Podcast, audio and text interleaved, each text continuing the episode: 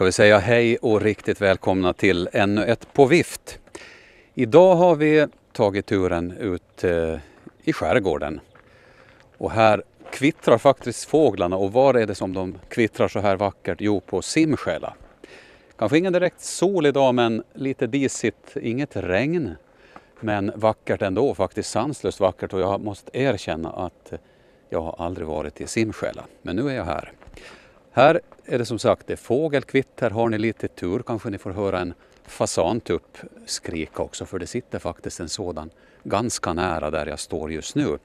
Och var står jag? Jo, jag står utanför Stormskärs konferens och värdshus eller Östergårds som det heter. Här ska vi gå in och prata med Mikael Lindholm och Lena. Knacka på eller går in helt enkelt. För jag, jag vet ju om att de, de vet att jag kommer. Och jag tar köksvägen faktiskt. Känns det be bekant. Ska vi se om vi hittar någon i sto storstugan. Hej på er! Här har vi värdparet, men vi ska prata allra först med Mikael. Hej på hej, dig! Hej. Eh, Mikael, här eh, bedriver du ja, verksamhet som tar emot turister. Och berätta lite om den. Ja, vi har ju då renoverat upp det här gamla huset som är från 1896, så vi har sex dubbelrum och ett enkelrum som vi kan ta emot folk och bo då. Sen är det ju restaurang då i nedre plan. Gamla köket så har vi gjort som matsal och, och gamla salen så är nu då tänkt som konferensrum eller även den då för, för matservering beroende lite på hur stora grupper vi har. Mm, absolut. Vi slår oss ner vid ett av borden här, det är trevligt här i, i, i, storstugan. Så får Mikael berätta om hur det är att vara vad ska vi säga, turistidkare på, på Simskäla. För man har i alla fall, eh, vad ska man säga så här, man har i alla fall en stor fördel och det är ju vacker natur. Och det kan jag anta att det är ett stort plus. Jo, jag brukar säga att vi har ju på så vis, vi är mitt i skärgården men ändå så har vi samma förbindelser som fasta Åland kan man säga. Det är klart man får räkna lite mera tid men vi är i alla fall i stan på under en och en halv timme kan man garantera dygnet runt, året runt och det, det är en stor konkurrensfördel. Det här att vara turistföretagare eller företagare i turistbranschen, Känns det som att det ställer, eh, ställs allt högre krav? Om vi säger som så, nu har ju vi satsat, satsat på, på en, en kanske lite annorlunda nisch än vad de flesta gör, men att generellt om man ser på, på uthyrningsstugor och, och, och, det som ska vara kring det, så det tror jag absolut att, att det ställs högre och högre krav, att folk vill ha bekvämt, de vill ha lika, lika bekvämt som hemma när de far och, och semestrar också vi vill inte kalla oss bed and breakfast, även om det finns sådana som har väldigt fina sådana på Åland, men tar man internationellt så är bed and breakfast är ju någonting billigt och ofta med bristande kvalitet och vi har ju satsat på att det ska vara hög standard och, och tar då ett lite högre pris också än vad man kanske är van med på bed and breakfast. Det här att man erbjuder turisterna kanske mer än som mat och eh, husrum, hur är det med det på Simskäla? Och på det här stället, har ni annat också att erbjuda? Jag har i mina, kör ju mycket guidade fisketurer då, att man, och de är ju då mestadels inriktade mot mindre företagsgrupper, även om det kommer en del kompisgäng också, men eftersom de inte kan ha, ha något billigare alternativ här, utan här är de tvungna att, att, att ta då även, även helpension när de kommer, så, så skruvar det upp priset lite, så att det, som, de får ju en bra produkt, men att de måste betala för det, och det är, de flesta är väl privatpersoner är ganska priskänsliga när det gäller det, så att, därför har vi väl inte så mycket privatpersoner som kommer på fiske hit. Mm. Varifrån kommer era gäster? Ja, tar vi till, till restaurangen så har vi nog hittills haft en klar majoritet av ålänningar, både föreningar och företag och privatpersoner som, som kommer och, och firar det ena och det andra. Men, men tar vi nu då boende och fisketurister så är det väl nog flest från Sverige följt av Finland. Tillsammans så gör väl de 85-90 procent av gästerna. Sen kommer resten från övriga delar av världen. Vi har väl haft 34-35 nationaliteter här. Mm. Det här att eh, du pratar om fiske ganska mycket, är det så att det är ganska bra eller hur står det till med fiskevattnet? Ja, vi har, vi har väldigt gott om gädda och, och öring har vi också riktigt hyfsat och, och abborre finns det ju naturligtvis som på övriga delar av Åland, men gäddfiske är nog, är nog väldigt bra. Sen kör jag ju lite, lite charter också, då kör jag och tittar lite på, på säl om, om det är sånt väder att det går att gå ut och sen brukar jag köra ut till, till Väderskär var de spelar in Stormskärsmaja då och, och göra, göra turer dit då på sommaren. Mm, det finns ju lite historia kring just det här stället också, Östergårds, och, och när du pratar om Stormskär och då kommer man ju osökt in på Anne Blomqvist. Berätta lite kort om den historien. Ja, alltså Annie Blomqvist är ju född och uppvuxen i det här huset och hon var ju äldst i den syskonskaran då på tio personer som, som ju växte upp i det här huset. Då. Men att eh, det var ju då Lenas farfar då som, som hette Viktor eller Vicke, så, så, han var ju äldsta sonen så han var ju bonde på stället. Så han bodde också här med, med sin familj då, med fyra barn. Och Lenas pappa då, så tog över stället efter honom och sen har vi nu då tagit över efter honom. Hur är det med åkermarken eh, som hör till stället? Står den obrukad? Nej, vi, vi har en, en liten Highland Cattle-besättning så att vi, vi skördar ensilage åt dem då där så att, och så bet, betena så, så går de ju på, på då till att vi försöker hålla markerna öppna med, men vi har ju valt en sån inriktning på, på jordbruksverksamheten att den ska den får inte vara alltför tidskrävande eftersom som det här tar mer än heltid utav oss. Vad gör man på vintern när man jobbar i turistbranschen på Simskälla? Ja, till, till julen, julas hade vi julmenyer här på, på värdshuset, så då hade vi lite folk som kom hit och åt det. Och sen blir det vinter, så då hade vi, vi hade några långfärdsskridskoåkargrupper hit och, och de var väldigt nöjda. Så blir det mera is en annan vinter så tror jag att vi kan ha verksamhet med det. Och sen hade vi i, mitt i vintern också ett par konferensgrupper, en svensk och en, ja, en, en sån här Interreg som var både från Finland och Sverige då, som, som var här på, på helpension ett dygn. Så, så nog på lång sikt så, så eh, tror jag nog att vi ska, ska ha verksam, ganska bra verksamhet året runt. Men, men det är klart att vinter, vintermånaderna, ska vi säga, från, från november till och med mars, så är ju de tuffaste att fylla. Du verkar ändå, vad ska vi säga, du har positiva idéer och, och, och det finns en framåtanda, men finns det någonting som är mindre bra med att vara på Simsjäla och bedriva den här typen av verksamhet? Ja, alltså det är ju, kostnadsläge blir ju ett annat med all, allt som, alla varor som vi ska ha, samma sak när vi byggde och renoverat. Det tar en timme för, för hantverkarna att komma ut och, och de, de tar betalt från de startar, varifrån de startar dem och tills de är tillbaka. Så det betyder att man betalar per hantverkare minst två timmar om dagen för att de åker bil. Och det, det gör ju att det blir dyrare naturligtvis än om man är centralt belägen på Åland. Då. Annars så vet jag, då samma sak när vi ska, allt vi ska hämta då just alla, alla matvaror som vi köper. Vi försöker köpa allting så närproducerat som möjligt, men det ska ju ändå transporteras hit. Så det, det är ju det att det, det blir mycket åka. Varifrån tar ni era varor? Tänker nog närmast på, när ni fyller på skafferiet i köket. Ja, potatis så köper vi från Vårde och, och även det, det grönsaker som går. Fisken fiskar vi själva. Kött i, i så, den utsträckning som vi nu har kunnat börja slakta så tar vi från egen produktion. Annars så köper vi det också från Åland utav samma sorts djur, utav Highland Cattle. Så, och sen så tar vi ölen från Stallhagen vi, och sen öv, övrig drycker från Hartwall. Det är inga problem där. Det var trevligt att prata med dig Mikael. Nu ska du, jag vet att du får faktiskt gäster alldeles strax. Berätta, vilka är det? De kommer från Eckerö skola, klass 3 och 4 hit och ska äta, äta lunch här halv tolv. Nu ska jag gå in i köket och prata med husmor i alla fall för dagen. Jag vet inte om jag frågar aldrig hur det var med de rollerna. Är det så att det är din vanliga position, Lena? Hej! Hej! Har du faktiskt inte. Utan mm. det är min man som står allra, allra oftast här vid spisen. Mm. Mm. Men du känner dig inte borttappad här? Nej, jag har lagat lite mat hemma istället. ja. Ja, men berätta, det, det liknar köttfärssås idag ja. här för eleverna? Det är barnmat idag ja, så det kommer en, en skolklass från Eckerö hit idag. Mm, det inga, ni har ju inga egentligen, det är inte riktigt ett sånt här litet bondkök mera det här nu, för det här Nej. är mera, inte storkök men ändå någonting mitt emellan. Mm.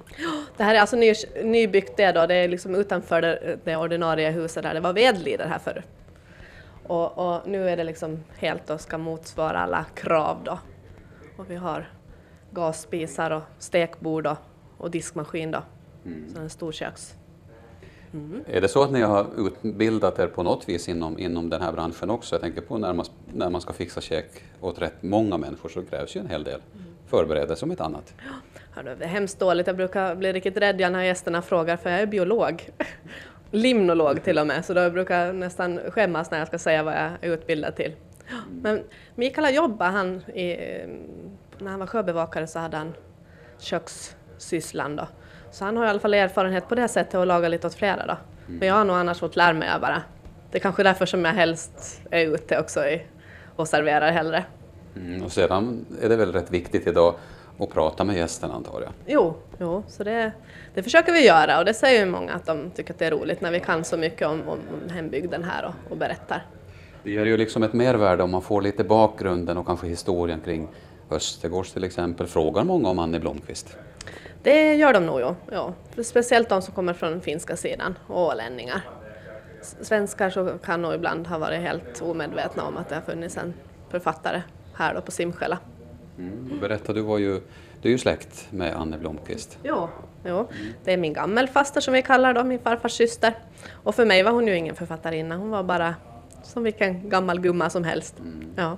Berätta om ditt förhållande. Besökte du henne, gick ner och pratade eller sådär? Jo, det gjorde man ofta. Och, och sen, jag brukar berätta det åt gäster och sånt också, att man var ganska ivrig. Vet, man sålde ju lotter och man sålde jultidningar och sånt. Och då var hon alltid en väldigt bra kund.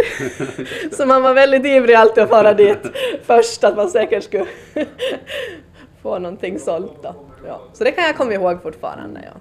Och sen när hon blev gammal och sjuk så då var vi ännu lite mera där och hon, hon blev ju ensam på slutet och vi vet till och med att vi firade jul och sånt med henne några år precis innan hon dog. Mm. Ändå minnen som man bär med sig. Jo, visst är det så. Lena, det var trevligt att prata med dig. Nu ska det bli lite musik från Vårde hade jag tänkt och allra närmast nu Eivor Lindström. Ja, det var musik av Eivor Lindström och en morgonresa. Och den här resan idag i det här programmet på Vift så det har tagit oss till Simsjäla och just nu i Stormskärs konferens och värdshus, eller Östergårds. Och vi satt i storstugan och pratade med Mikael. Och nu har vi flyttat till Östra kammaren och här har vi faktiskt en, en annan Mikael men eh, som inte hör till den här gården. Nej. Nej, det stämmer bra. Jag kommer från granngården Mellangård. Mm, och det här är Östergårds. Och på Mellangård så är man inte i turistbranschen, eller? Nej, jag, jag är växthusföretagare eller egentligen jordbrukare som har, har utvidgat med växthusverksamhet. Mm, det, pratar ju mycket med transporter och det är en bit till, till eh, stan från Simsjäla, men är det här någonting som Ja, hur fungerar det på Simsjäla när man jobbar eh, och har växthus och mycket grödor och andra produkter som ska till och från? Ja, det fungerar riktigt bra. Vi, vi har nästan dagliga transporter till Mariehamn av grönsaker under säsongen och, och det, det, har fungerat nu bra i många år, riktigt bra. Däremot då om man ska ha service av anläggningen, maskiner och så vidare, så det, det kostar ju en slant extra i och med avståndet. Mm, men hur är det när man är egenföretagare? Då kanske man får försök fixa och, och dona lite själv om någonting går sönder eller, eller är det så komplicerat idag att man tvingas ha expertis i många fall? Nej, visst är det så att man försöker till, till fixa och dona så mycket som möjligt själv. Det, det är man tvungen till när man bor här ute. Men att i, ibland klarar man ju inte av det och då, då är det ju ofta från Mariehamn det kommer. Men, men så mycket som möjligt själv eller goda, goda grannar eller även här på Vårde finns det en, en par duktiga servicekillar som kan, kan det mesta. Vad kan det vara för typ av service som du behöver i, i din bransch? No, jag har ju förutom växthusen då en kylanläggning och en förpackningsmaskin. Så att det, det mest akuta brukar vara då oljepannorna till växthusen om de får något fel. Sen kylmaskinerna, kylsystemen, om, om det blir något haveri där så ska det ju snabbt åtgärdas den här packmaskinen jag har så, så klarar man det inte själv så får man inte hjälp här på Åland heller utan, utan då är det från Finland eller Italien så att eh, då kan det vara knepigt men att hittills, hittills har det gått bra. Mm, berätta, vad är det för grönsaker som du packar in i, i, i packmaskinen? Och det är nu de flesta grönsaker vi odlar. Just nu håller vi på och packar redisor och morötter. Tidigare har vi packat kinakål, vårlök och eh, sallad, olika sallader. Så att det är egentligen alla typer av grönsaker som vi odlar så packar vi också. Det har blivit mer populärt och, och varorna håller bättre och ser snyggare ut än en förpackning. Mm, är, det, är det mycket det idag att det ska se snyggt ut i butiksdisken? No, visst är det på det viset att folk köper ju mycket med ögonen nu, nu ska det ju vara åländskt och det ska vara inhemskt, man vill veta var varorna kommer ifrån. Men att samtidigt så ska det se bra ut, att ser den importerade utländska varan finare ut så kan det vara så att en del ändå föredrar den. Så att vi försöker nu satsa på det här med förpackningar mer och mer. det är nästan omöjligt att hålla sallader, dill, persilja och sådana produkter riktigt fräscha utan förpackning eftersom de har en tendens till torka i bladen och ser lite vissna ut. Så att. Mm. Men hur pass eh, stor är den åländska marknaden eller hur pass betydelsefull är den för dig? Och för mina produkter är den faktiskt inte så betydelsefull. Det, det står inte och faller med den åländska marknaden utan tvärtom så är det den fastländska marknaden som är den, den absolut viktigaste.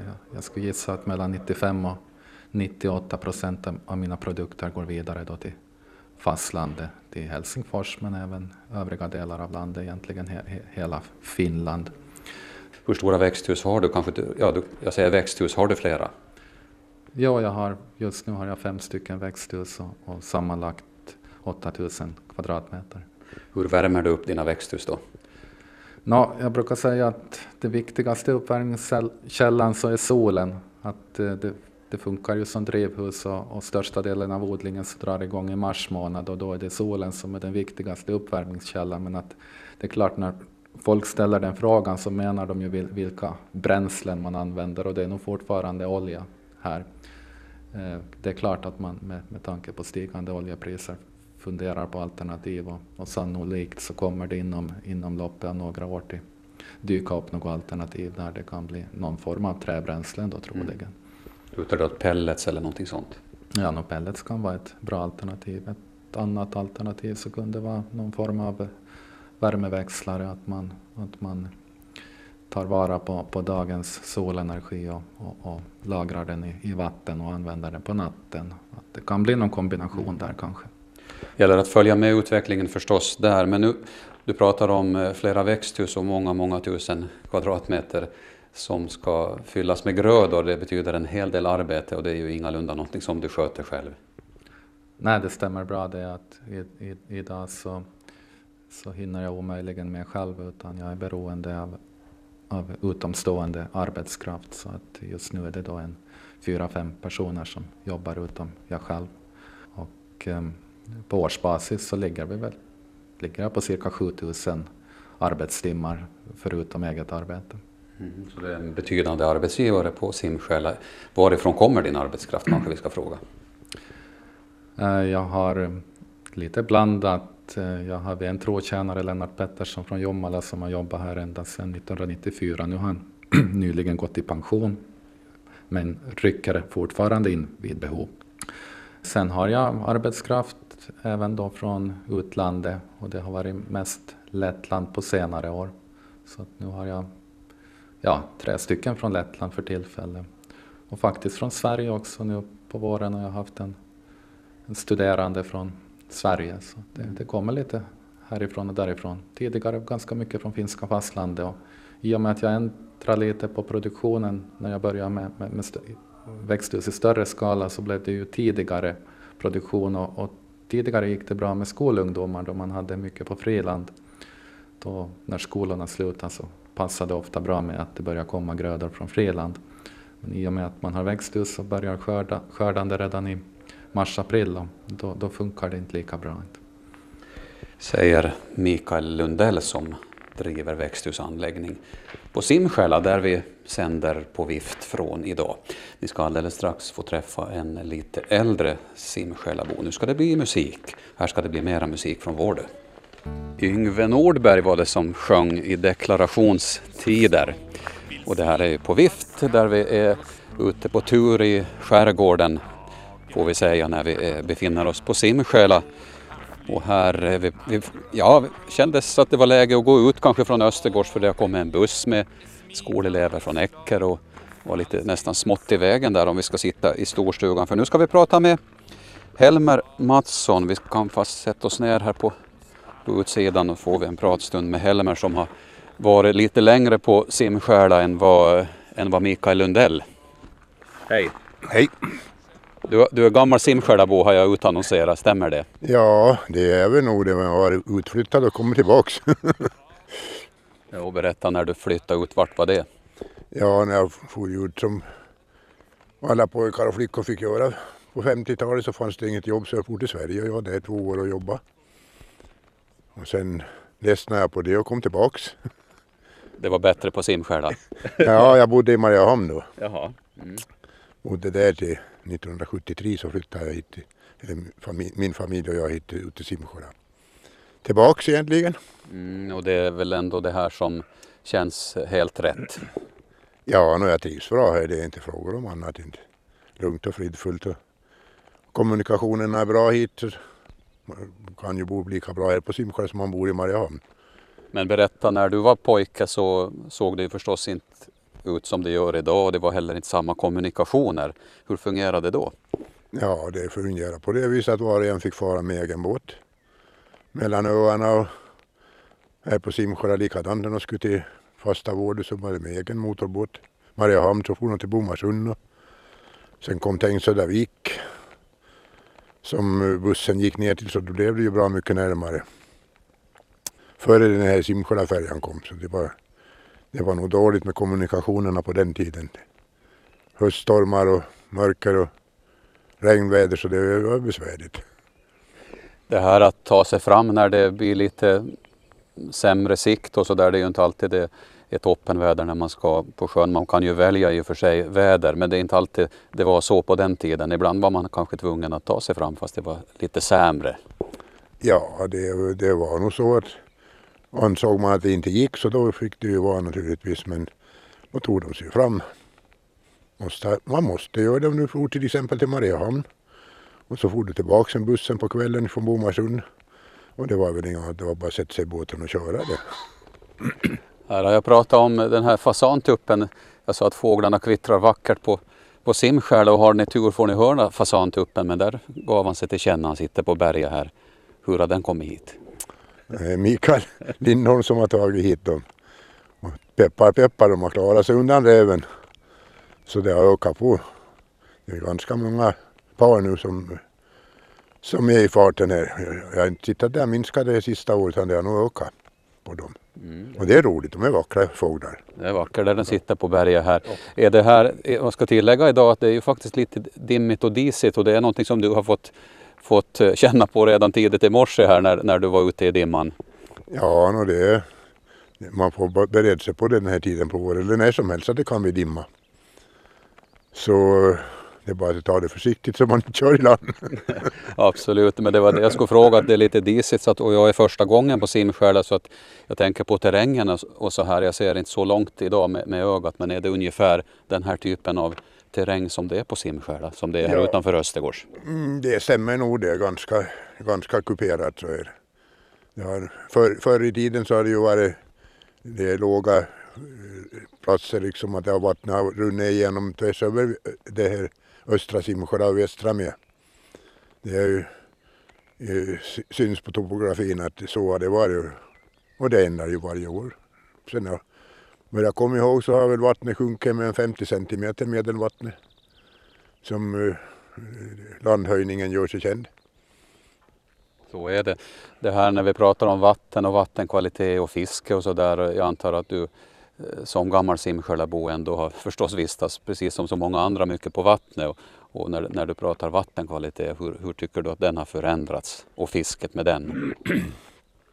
Ja, man ser ju ibland eh, att algblomningen har väl nog ökat. Men att var det när jag var bara ung pojke också. Då, då var det algblomning då så att det var grönt i stränderna och ut.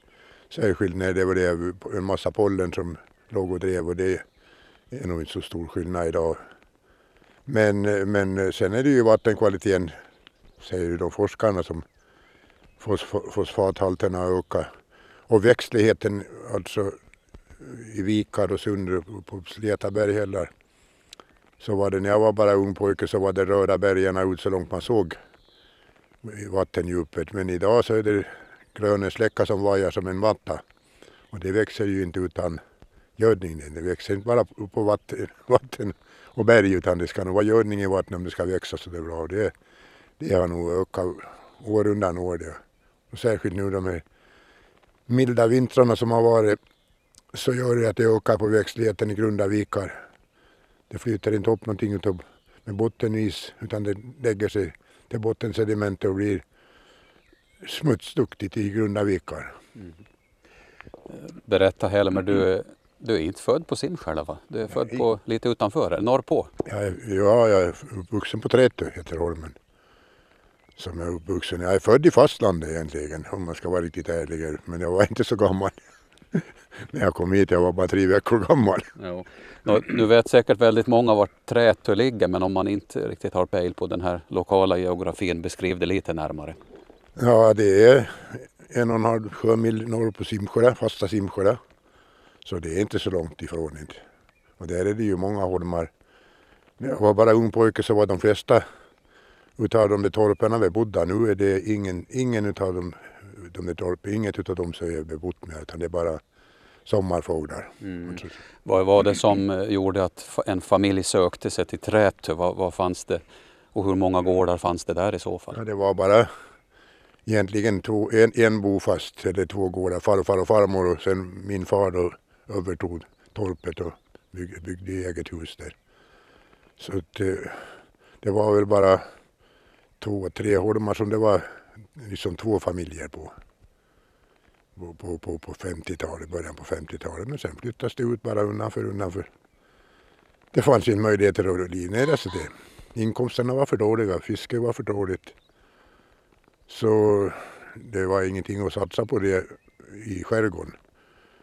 Så jag började sen som sjöman, men det var bara ett par år och så köpte vi trålbåt, en kompis och jag, Otto Johansson hette han. Som jag hade med i bolag och det fiskade vi med från 66 till eh, 86. Mm, så att du, du har provat på både ett och annat och, och jag vet att du har varit på Nyhamn också. Jo, det har jag varit. jo, jag, när jag kom från Sverige så började jag på Nyhamn. För att eh, då var ju Vågseniska där och höll på med, började med gruvdrift. Och så, så annonserade de efter en eh, elev till maskinhallen där. Jag sökte det och tänkte att jag skulle gå i, i skola. Åtminstone till undermaskinist. Men det blev inget med det sen. Utan jag var där två år på Nyhamn och jobbade.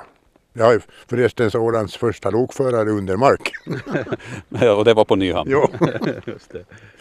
Så det var mycket folk var vi också där. Vi var väl nästan 100 personer. Ja, det var till och med över 100 personer när det var som mest i byggnationsskedet. det- När schaktet byggdes och tunnlarna.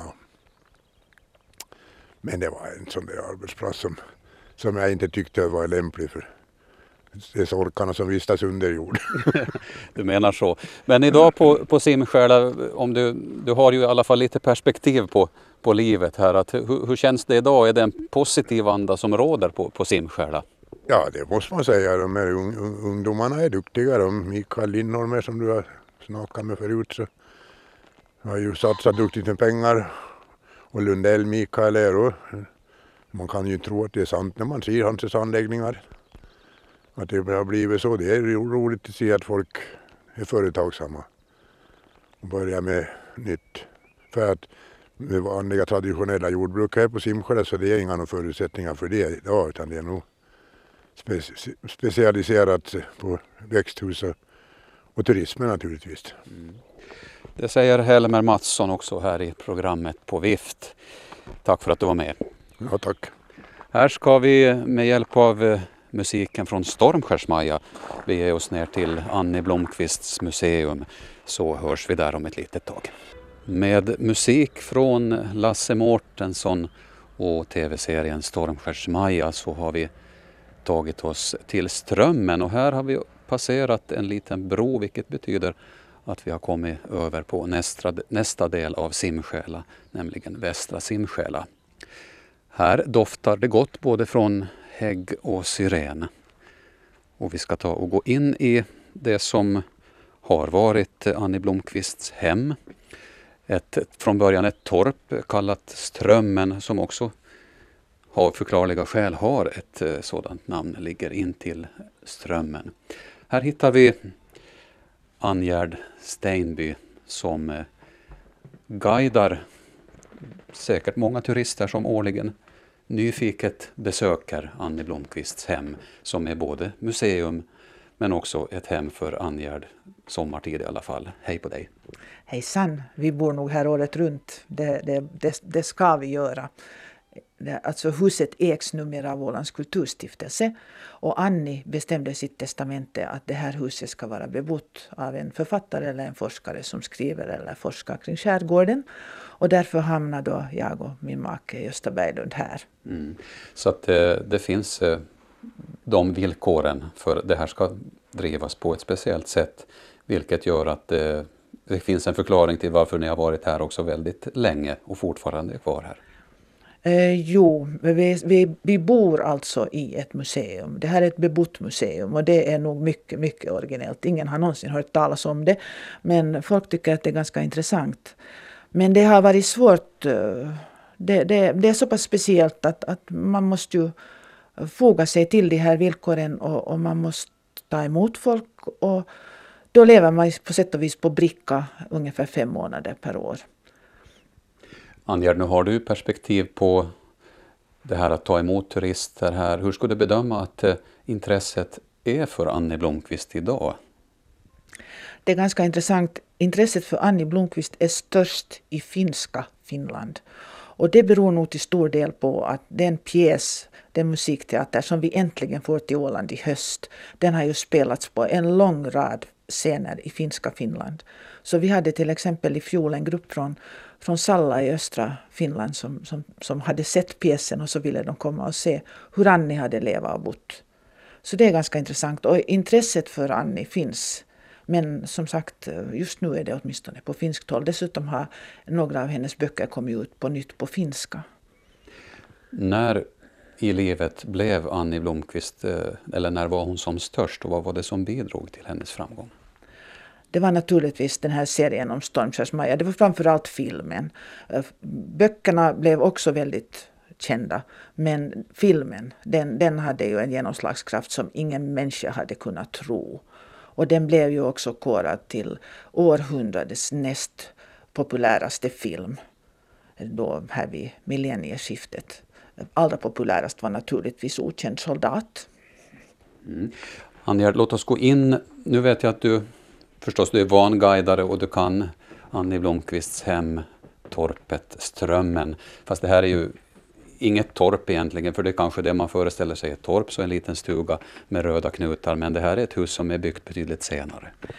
Jo, folk blir ibland besvikna för de har ju tänkt sig att det ska vara en liten röd stuga som står uppflugen på en klippa. Men det här är ett ganska stort eh, ljusmålat hus. Det byggdes 1945, genast efter kriget. Det här är ett gammalt torpställe som har lytt under Annis hemgård Östergårds på Östra Simskäla.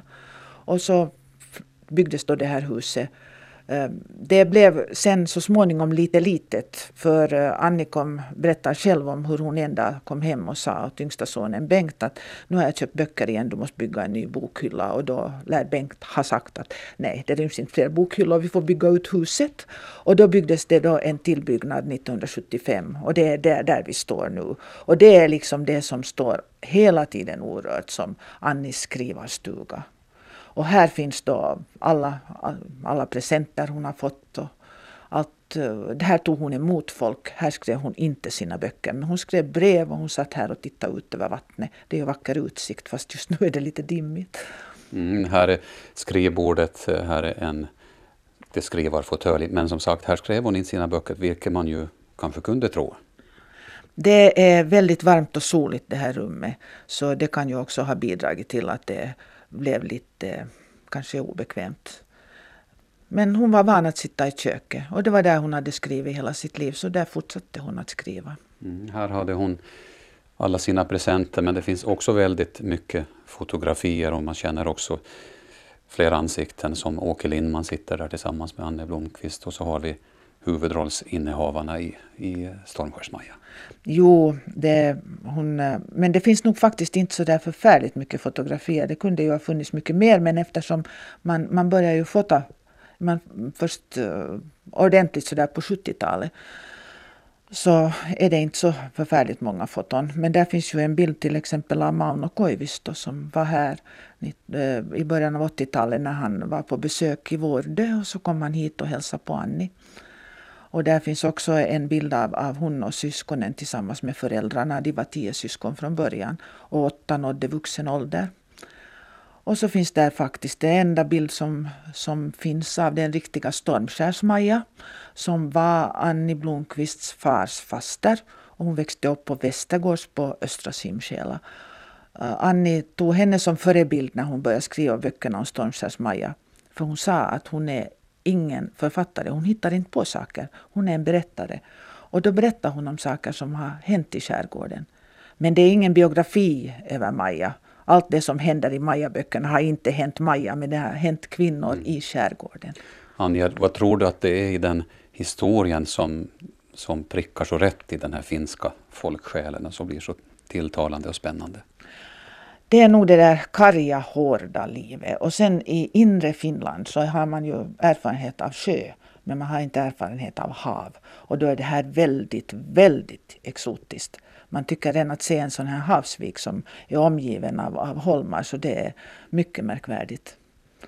Men det är framförallt nog det där karga livet och det att det var ett så hårt liv hon levde. Stormskärs-Maja, alltså bokens Maja. Alla sorger, alla bedrövelser, allt som hon fick kämpa med. Det, och eftersom det finns, Annie hade en så otroligt fin berättartalang så blir det så äkta. Det ligger mycket i det.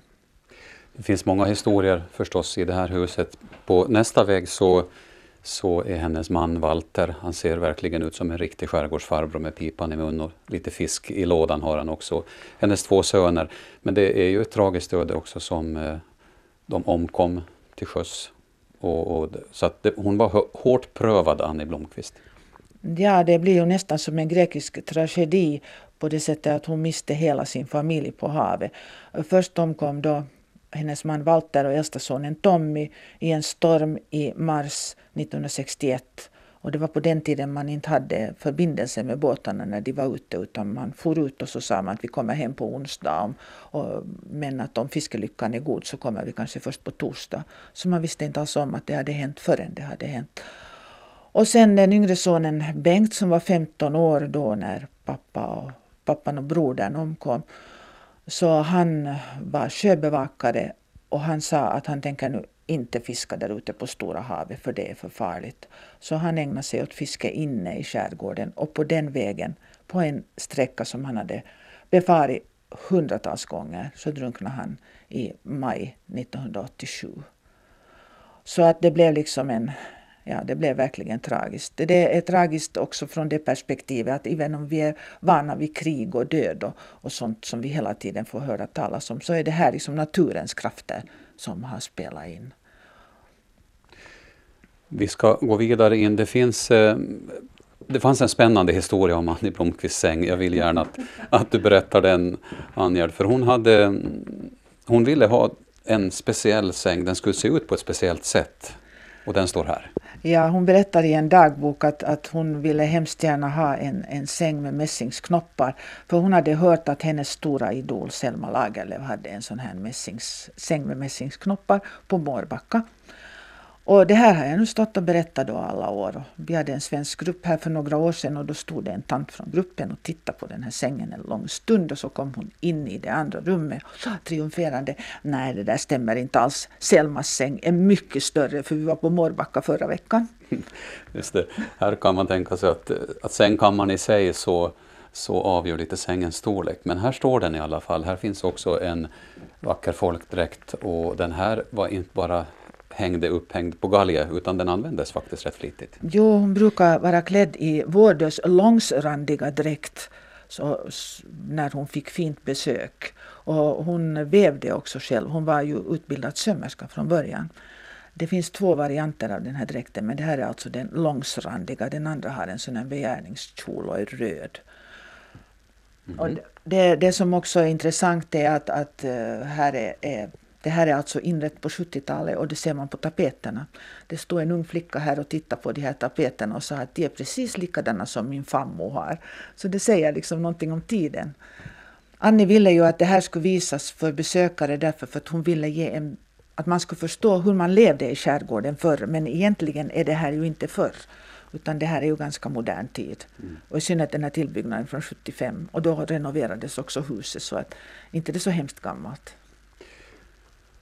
I det här programmet eh, På vift som ni lyssnar till så besöker vi alltså Annie Blomqvists hem som numera är ett museum. Och vi ska i alla fall försöka, det är svårt att beskriva en plats, en dylik plats för er som lyssnar men kanske förhoppningsvis väcka lite nyfikenhet för man är välkommen hit men man ska gärna anmäla sitt, sin ankomst. Jo, vi, vi, har, vi hoppas att, att man ringer på förhand och så att säga beställer tid. Det är helt enkelt för att det är angenämare för både besökarna och oss. För ingen blir ju glad om vi står och diskar eller står i duschen eller sitter och äter mm. när man kommer hit. Vi ska besöka den plats i huset där Anne Blomqvist faktiskt skrev det mesta. Och det är kanske en sån plats som man inte kanske skulle tro att det är. Det är nämligen köket. Här satt hon. Jo, men det är ett väldigt trevligt kök det här. Och vi vistas ju också själva mycket här. Jo, hon brukar sitta här och skriva på den sidan av köksbordet där hon hade utsikt ner till stranden. Nu är det väldigt mycket grönt i vägen men man, man ser faktiskt båthuset. Och man, eh, I synnerhet då när det ännu är lite kallt. Nu är det ju så väldigt lummigt och fint. Och eh, hon eh, det första hon skaffade sig när hon då hade fått lite pengar det var centralvärme. Men före det så var, brukar man på vintrarna värma upp ett rum. Och där brukar man vistas för det var liksom bekvämast så. Mm. Annie Blomqvist som var författare och skrev mycket men hon hade också säkert andra intressen. För det här är ju ett torp och ett eh, ställe, skärgårdsställe precis som så många andra där det finns också lite, det fanns små täppor, eh, åkrar Jo, hon var oerhört duktig. Alltså hon skrev 13 böcker men hon var 57 år när hon då debuterade. Och det var 1966 och det var liksom då flera år efter den där olyckan. Och det var den första boken hon skrev var en minnesbok över Walter och Tommy. Och sen efter det skrev hon då fem böcker om Stormskärs-Maja och så skrev hon då några till. Men hon var ju då liksom en småbrukarhustru. Hon var väldigt intresserad, genuint intresserad av fiske. Hon hade upp till tre kor i den lilla ladugården här och det var ganska svårt ibland att få dem att överleva vintern för det var alltid ont om, om foder. Och de här åkrarna här, de var, en del var vattensjuka och, och de var överhuvudtaget ganska små så bland annat så rodde de härifrån till Bomarsund för att hämta hö. Hon var dessutom förfärligt energisk när det gällde att förkovra hembygden. Hon hade moderna idéer. Och det betydde att hon kämpade till exempel för att simsjälar skulle få el. Det var ingen lätt kamp för man var, tyckte att det var så hemskt dyrt så man tyckte man kunde klara sig med oljelampor. Eh, så att det gick ända till 1965 innan simsjälar fick el och då var simsjälar den sista stora bygden på Åland som fick el. Och sen den här trafiken, färgtrafiken. Där kämpade hon väldigt hårt för att man skulle få en färgförbindelse med Vårdö eftersom man hörde till kyrkan i Vårdö och det var väldigt jobbigt att komma till kyrkan när man måste ha småbåtar och sen gå. Man fick ju gå långa sträckor. Så att sen 1972 fick då Simsjäl sin första bilbär, bär, bär, bilbärande färja. Mm. Och numera går ju den på vajer och på ett kortare färgpass. Men då i början, när vi flyttade hit också, så då gick den på tidtabellen längre, sån här längre pass. Mm. Så man kan säga att eh, Annie Blomqvist var samhällsengagerad egentligen? Hon var oerhört samhällsengagerad. Hon var, men hon var väldigt besviken sen på vad denna, detta engagemang ledde till. För när den här färjan kom och man byggde om bron över Strömmen och man byggde lite vägar här så att man nu kunde fara här med bil så då började folk flytta härifrån. Hon hade liksom tänkt sig att folk skulle flytta hit, men man flyttade härifrån. Hon var redan bekymrad på 50-talet när skärgården började avfolkas. Men skärgården kunde ju inte föda människor sen längre. Allt det här och mycket därtill får man ju förstås höra om man besöker Annie Blomqvists hem Strömmen. För det är väl, vad är det officiella namnet idag? Är det Annie Blomqvists Hemströmmen eller är det Annie Blomqvists museum? Eller? Vi brukar, det står väl i telefonkatalogen står det väl Annie Blomqvists museum. Det spelar ju inte så stor roll vad man kallar det. Nej, man är nog väldigt välkommen hit men som sagt det är bra om man ringer. Det säger Angerd Steinby. Och här ska vi runda av dagens På vift. Trevligt att ni har lyssnat och vi har besökt alltså Simsjäla. Tidigare också i programmet var vi ju på Östergårds, vilket var Annie Blomqvists barndomshem. Här ska vi tacka dagens tekniker som är Edvard Mattsson och själv heter jag Kjell Brännström. Och vi ska också låta tonerna från Stormskärs Maja avsluta dagens program, så säger vi hej då.